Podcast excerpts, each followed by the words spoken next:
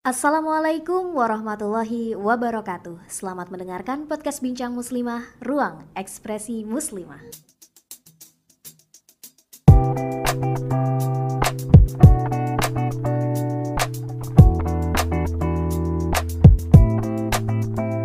Assalamualaikum warahmatullahi wabarakatuh. Halo sahabat Bincang Muslimah, ketemu lagi di channel YouTube Bincang Muslimah di mana lagi kamu bisa berekspresi kalau bukan di Bincang Muslimah. Ya, kali ini kita masih dengan Kak Ocha. Setelah sebelumnya di episode yang sebelumnya kita ngebahas tentang diri Kak Ocha. Nah, di episode ini Kak Ocha mau ngebahas apa ya kira-kira? kita mau ngebahas dari uh, profesinya Kak Ocha. Ya, dari profesinya Kak Ocha. Kak Ocha, boleh dong cerita ke kita tentang profesi kakak saat ini? Oke, okay. ini excited nih. Hmm. jelasin ya. Halo, uh, aku Ocha. Uh, sekarang lagi sedikit pagi-pagi ke Alifikro, salah satu platform digital Al-Quran yang bergerak di private Al-Quran di Indonesia. Ini udah mulai dari 2016, alhamdulillah sampai sekarang baru renov kantor. alhamdulillah. Alhamdulillah. Aku intip-intip tuh dari story-story teman-teman iya. ya kan kantornya ada di mana Kak? Jombang, di Jombang, Tangerang Selatan. Tangerang Selatan, iya. Situ. Uh, tadi kakak bilang di tahun 2016 ya, berarti uh -huh. kalau kita relate ke episode sebelumnya, itu tahun di mana baru kakak lulus S1 baru lulus S1 hmm. dan sudah mengembangkan ikut mengembangkan di iya. Alif Ikro waktu iya. itu sudah jadi pegawai tetap kah atau uh, waktu itu belum Alif Ikro namanya oh, belum Alif baru Ikro. Alif School sebuah TPA TPA uh, masa kini lah ya TPA, TPA masa kini kecil di Bintaro dan itu niatnya hmm. juga ya untuk uh, apa ngamalin ilmu lah hmm, gitu doang waktu hmm, itu. Hmm, tapi ternyata demandnya cukup tinggi dan banyak banget support dari dari mulai masyarakat demandnya terus kemudian support dari uh, board director juga. Hmm. sehingga kita seriusin. Kita seriusin itu start dari 2019 awal 2019, 2020, 2021. Iya. Wow, keren banget. Jadi seriusinnya dua tahun. Dua tahun teman-teman dan belakang. sudah ada kantor baru, renov kantor baru iya, dan itu keren banget loh. Boleh nanti teman-teman kita ini apa ya. namanya open uh, office apa tuh room room tour room tour nah kakak Ocha kan tadi di episode sebelumnya kita ngebahas uh, tentang studi Ocha ya, hmm. S1-nya HI, S2-nya HI. Kok tiba-tiba profesinya beralih kayak nyebrangnya jauh banget gitu. Jadi apa? Business development gitu. Oke. Okay.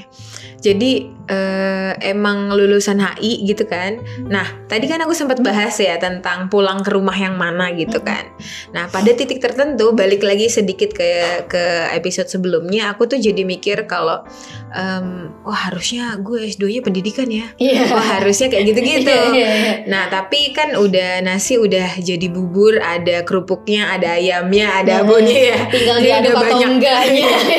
jadi bukan nasi jadi bubur lagi tuh nah akhirnya aku uh, apa namanya realize bahwa sempat pertanyaan itu tuh muncul berkali-kali hmm. apakah uh, aku harus cari pekerjaan lain yang relate hmm. atau aku bisa bertahan di sini tapi waktu itu Ustaz Zaki bilang Ustaz Zaki itu salah satu uh, owner dan pendiri Alif School dan Alif Ikro bilang sama aku bahwa rezeki itu yang didekatkan itu namanya rezeki. Hmm. Nah di situ aku sadar bahwa um, ini ini barang nih, hmm. ini barang uh, ladang lah katakanlah ya. Ladang tuh Allah cuma ngasih ladangnya doang. Hmm. Kita yang nyangkul, kita yang apa namanya nanam bibitnya, kita yang ngairin segala macamnya, dan itu masih kosong nggak ada orangnya. Sehingga aku kayaknya pilihan terbesarnya adalah uh, kayaknya aku akan di sini di sini dulu deh hmm. untuk saat ini. Merintis, Mm-mm. Merintis. Kenapa kakak memilih untuk merintis dan tidak memilih perusahaan yang emang waktu kakak Ocha di usia itu udah settle gitu? Oke. Okay.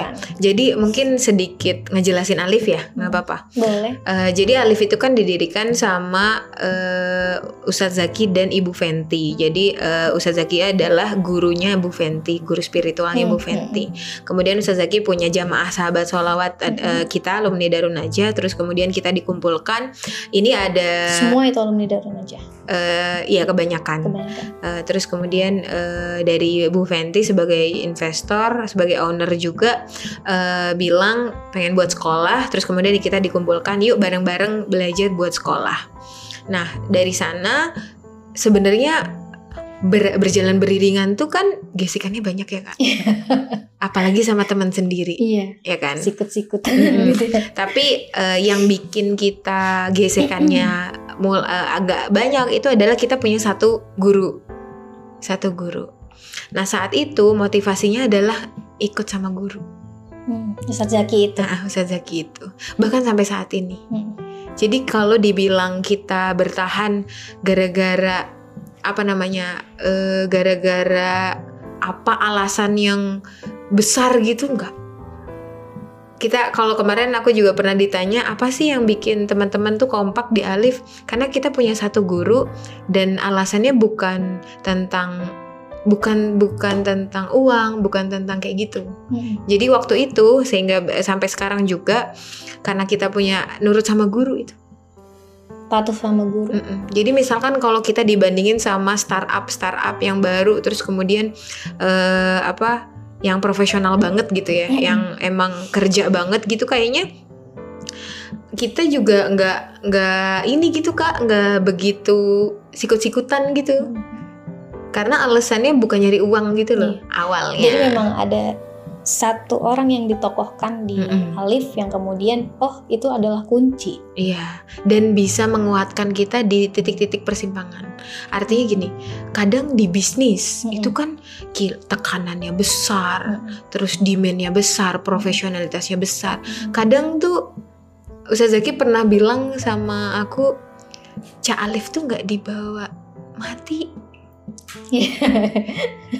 Lembaga ini nggak kamu bawa Karena mati. kakak pernah di titik yang seambisius itu terhadap Alif gitu. Eh, iya, karena Iya. tekanannya besar. Mm-mm. tekanannya besar, eh, kemudian pushnya besar sehingga kita harusnya begini begini begini begini begini gitu kan. Terus cak ini tuh nggak dibawa mati, eh, jadi kalau bawa gelas itu jangan dipegang terus. Waktu ngerjain alif, ya ngerjain alif siang. Kalau pulang nggak usah mikirin alif. Itu namanya work balance sih, life balance mhm. antara work sama kehidupan pribadi. Mm-mm. Kalau nggak pecah palanya, Mm-mm. gitu sih. Mm-mm. Keren ya. Eh, apa namanya?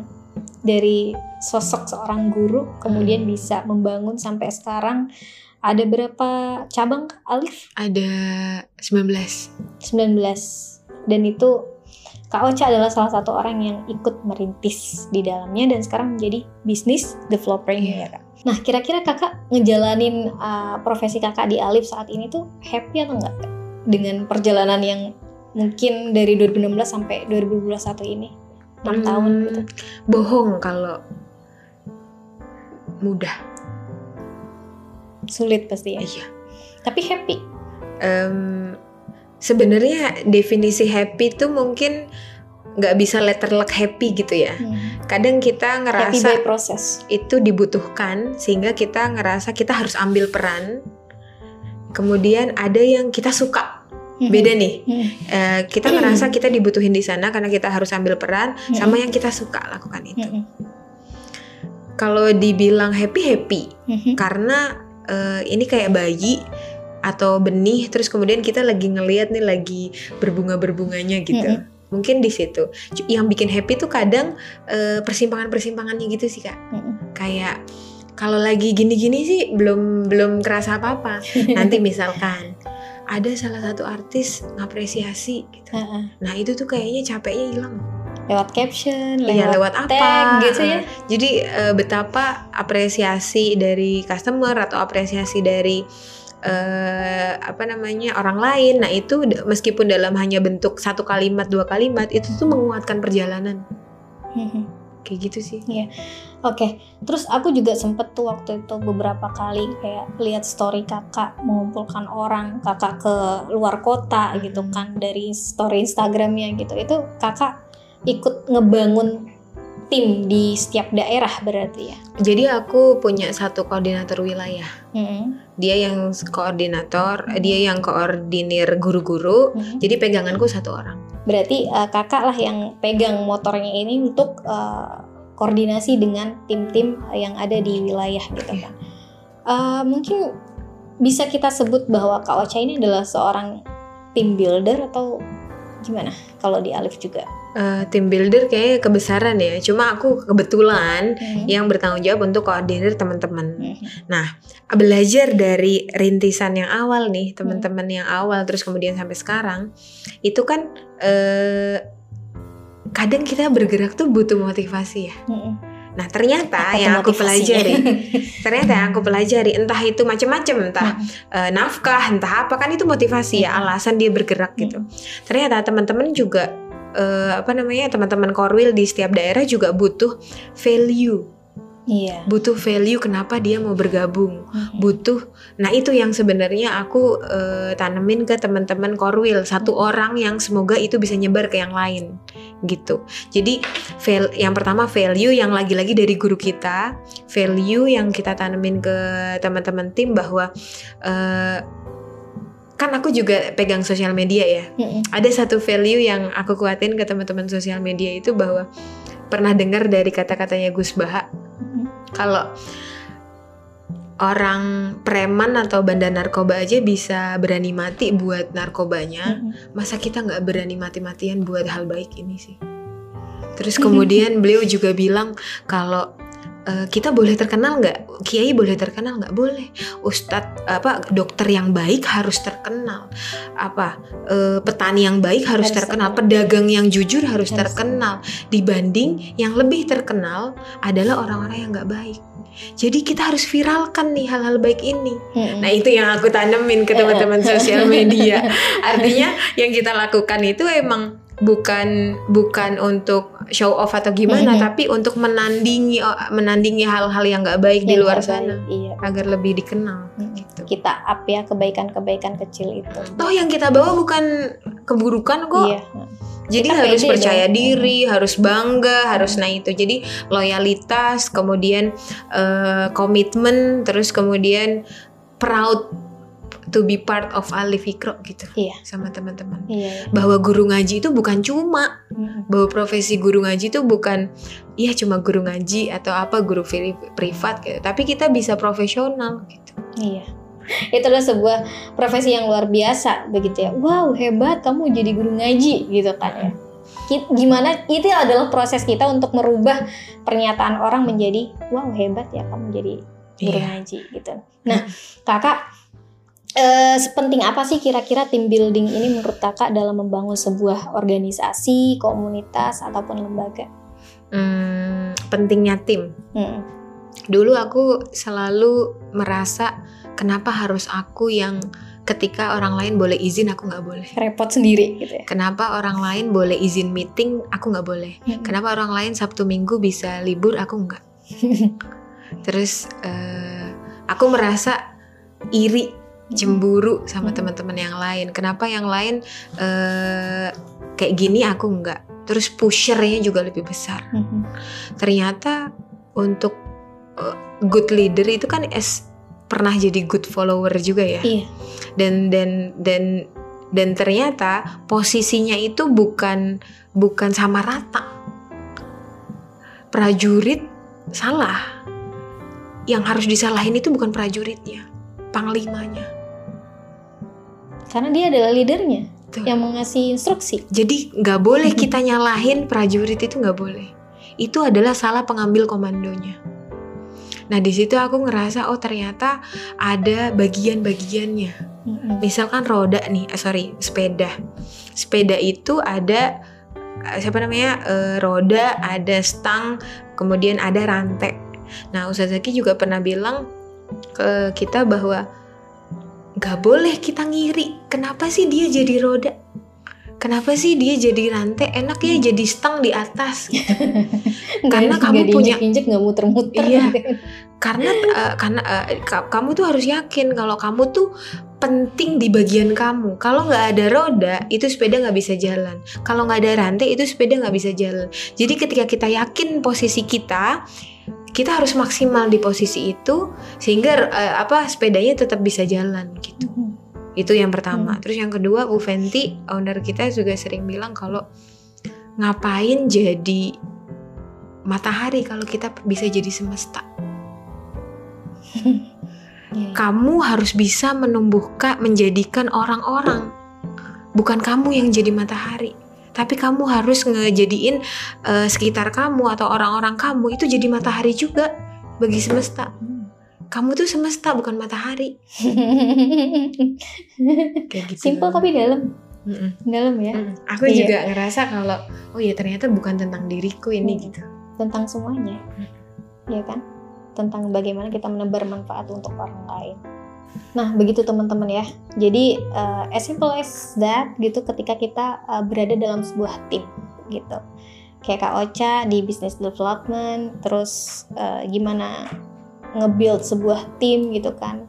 Dan juga teman-teman yang mungkin sekarang lagi uh, running di komunitasnya atau lembaganya, ya nikmati perannya. Ya Iya. nggak sih, Kak? Enjoy, enjoy the process. Mm-mm. Karena memang jangan pernah kita uh, mengharapkan sesuatu yang memang belum ditakdirkan untuk kita. Gitu. Mm. Dan aku boleh nambahin. Mm-mm. Jadi waktu itu juga karena tadi aku ngeluh ya, kenapa sih aku nggak kayak gini? Kenapa sih aku nggak kayak yang lain gitu kan? Terus pada titik tertentu aku sadar posisi. Oh ternyata posisiku emang aku doang yang wajib dimarahin, bukan teman-temanku.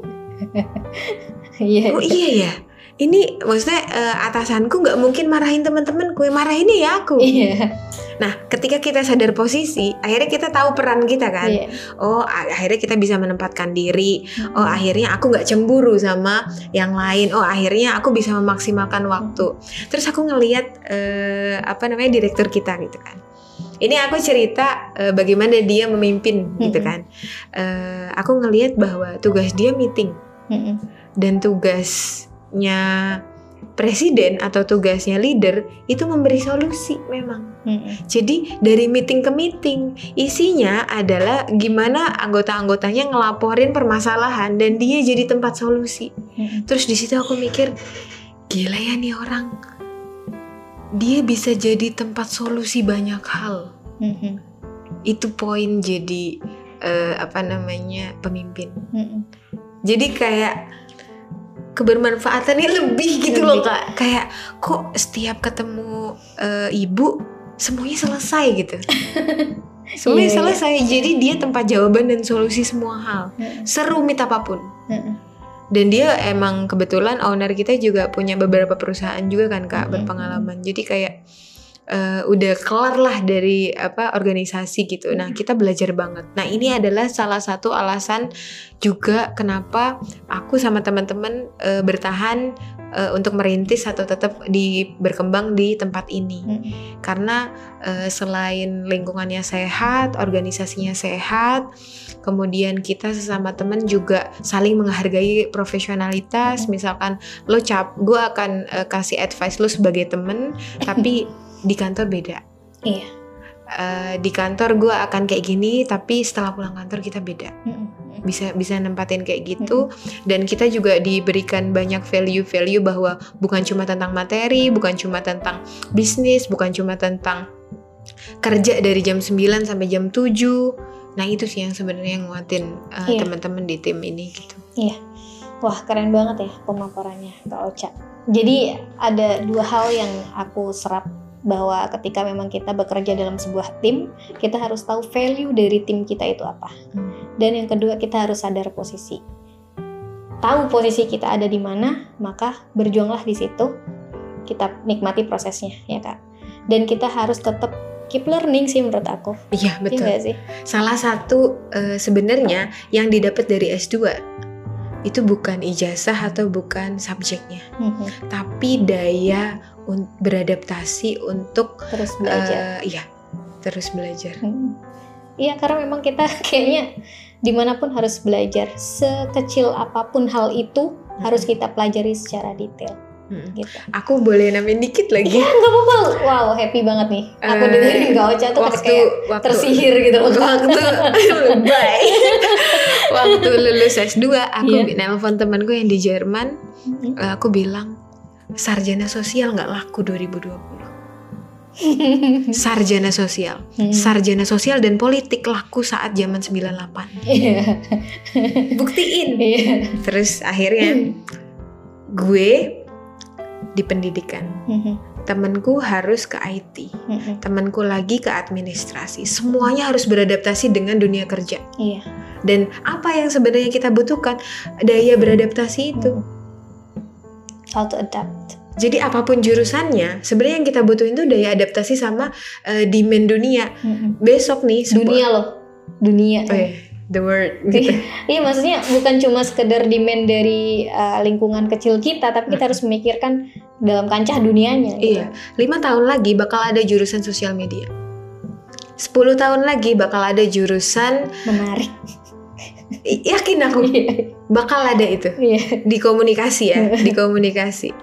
Bakal ada jurusan apalagi yang belum pernah kepikiran jadi ilmu. Mm-mm. Semua Nah, bisa jadi sih. ilmu ke depannya. Heeh. Desain grafis. Dulu apa sih seni rupa? Mm-mm. Sekarang udah ada desain grafis, ada ilustrator, ada DKV, banyak banget. Iya. Jadi adaptif, apa ya bahasanya kalau zaman sekarang tuh Eh, mampu beradaptasi dengan cepat gitu. Iya. Anak muda. Terus kita juga tertuntut untuk terus berinovasi ya nggak sih? Mm-mm. Gitu. Jadi yang penting tuh sebenarnya kuncinya adalah belajar, belajar dan belajar. Iya. Jangan males untuk cari tahu Mm-mm. apa yang belum kita tahu cari terus gitu karena sekarang uh, tools untuk mencari juga udah banyak banget ya kan alatnya apa saja kita tinggal klik langsung kita dapat nah caranya adalah kita uh, menyadari yang mana yang baik dan mana yang tidak gitu. Meskipun sekarang sudah serba gampang tapi kita harus memfilter juga gitu. Tapi overall apa yang disampaikan oleh Kak Ocha uh, di episode kali ini tuh sangat menginspirasi buat saya Masa Ya. sih? sangat. Aku tuh kayak dari tadi tuh dengerin yang tadi aku bilang kayak tersihir gitu teman-teman. Karena emang oh iya ya kayak oh iya ya oh iya ya terus gitu loh. Yang ada dalam dalam minion aku gitu. Karena memang eh, ternyata masih banyak juga yang aku pribadi belum tahu. Dan mudah-mudahan ini juga bisa menjadi poin penting juga untuk teman-teman yang lagi ngedengerin episode kali ini. Dan terima kasih Kak Ocha sudah menemani Iya. eh, bincang muslimah di episode kali ini. Mudah-mudahan nanti kita berkesempatan lagi untuk ngobrol di episode-episode Amin. lainnya. Amin. Terima kasih juga teman bincang muslimah yang sudah mendengarkan episode ini. Bye. Assalamualaikum warahmatullahi wabarakatuh Selamat mendengarkan episode selanjutnya dan terima kasih kamu sudah mendengarkan podcast Bincang Muslimah. Wassalamualaikum warahmatullahi wabarakatuh.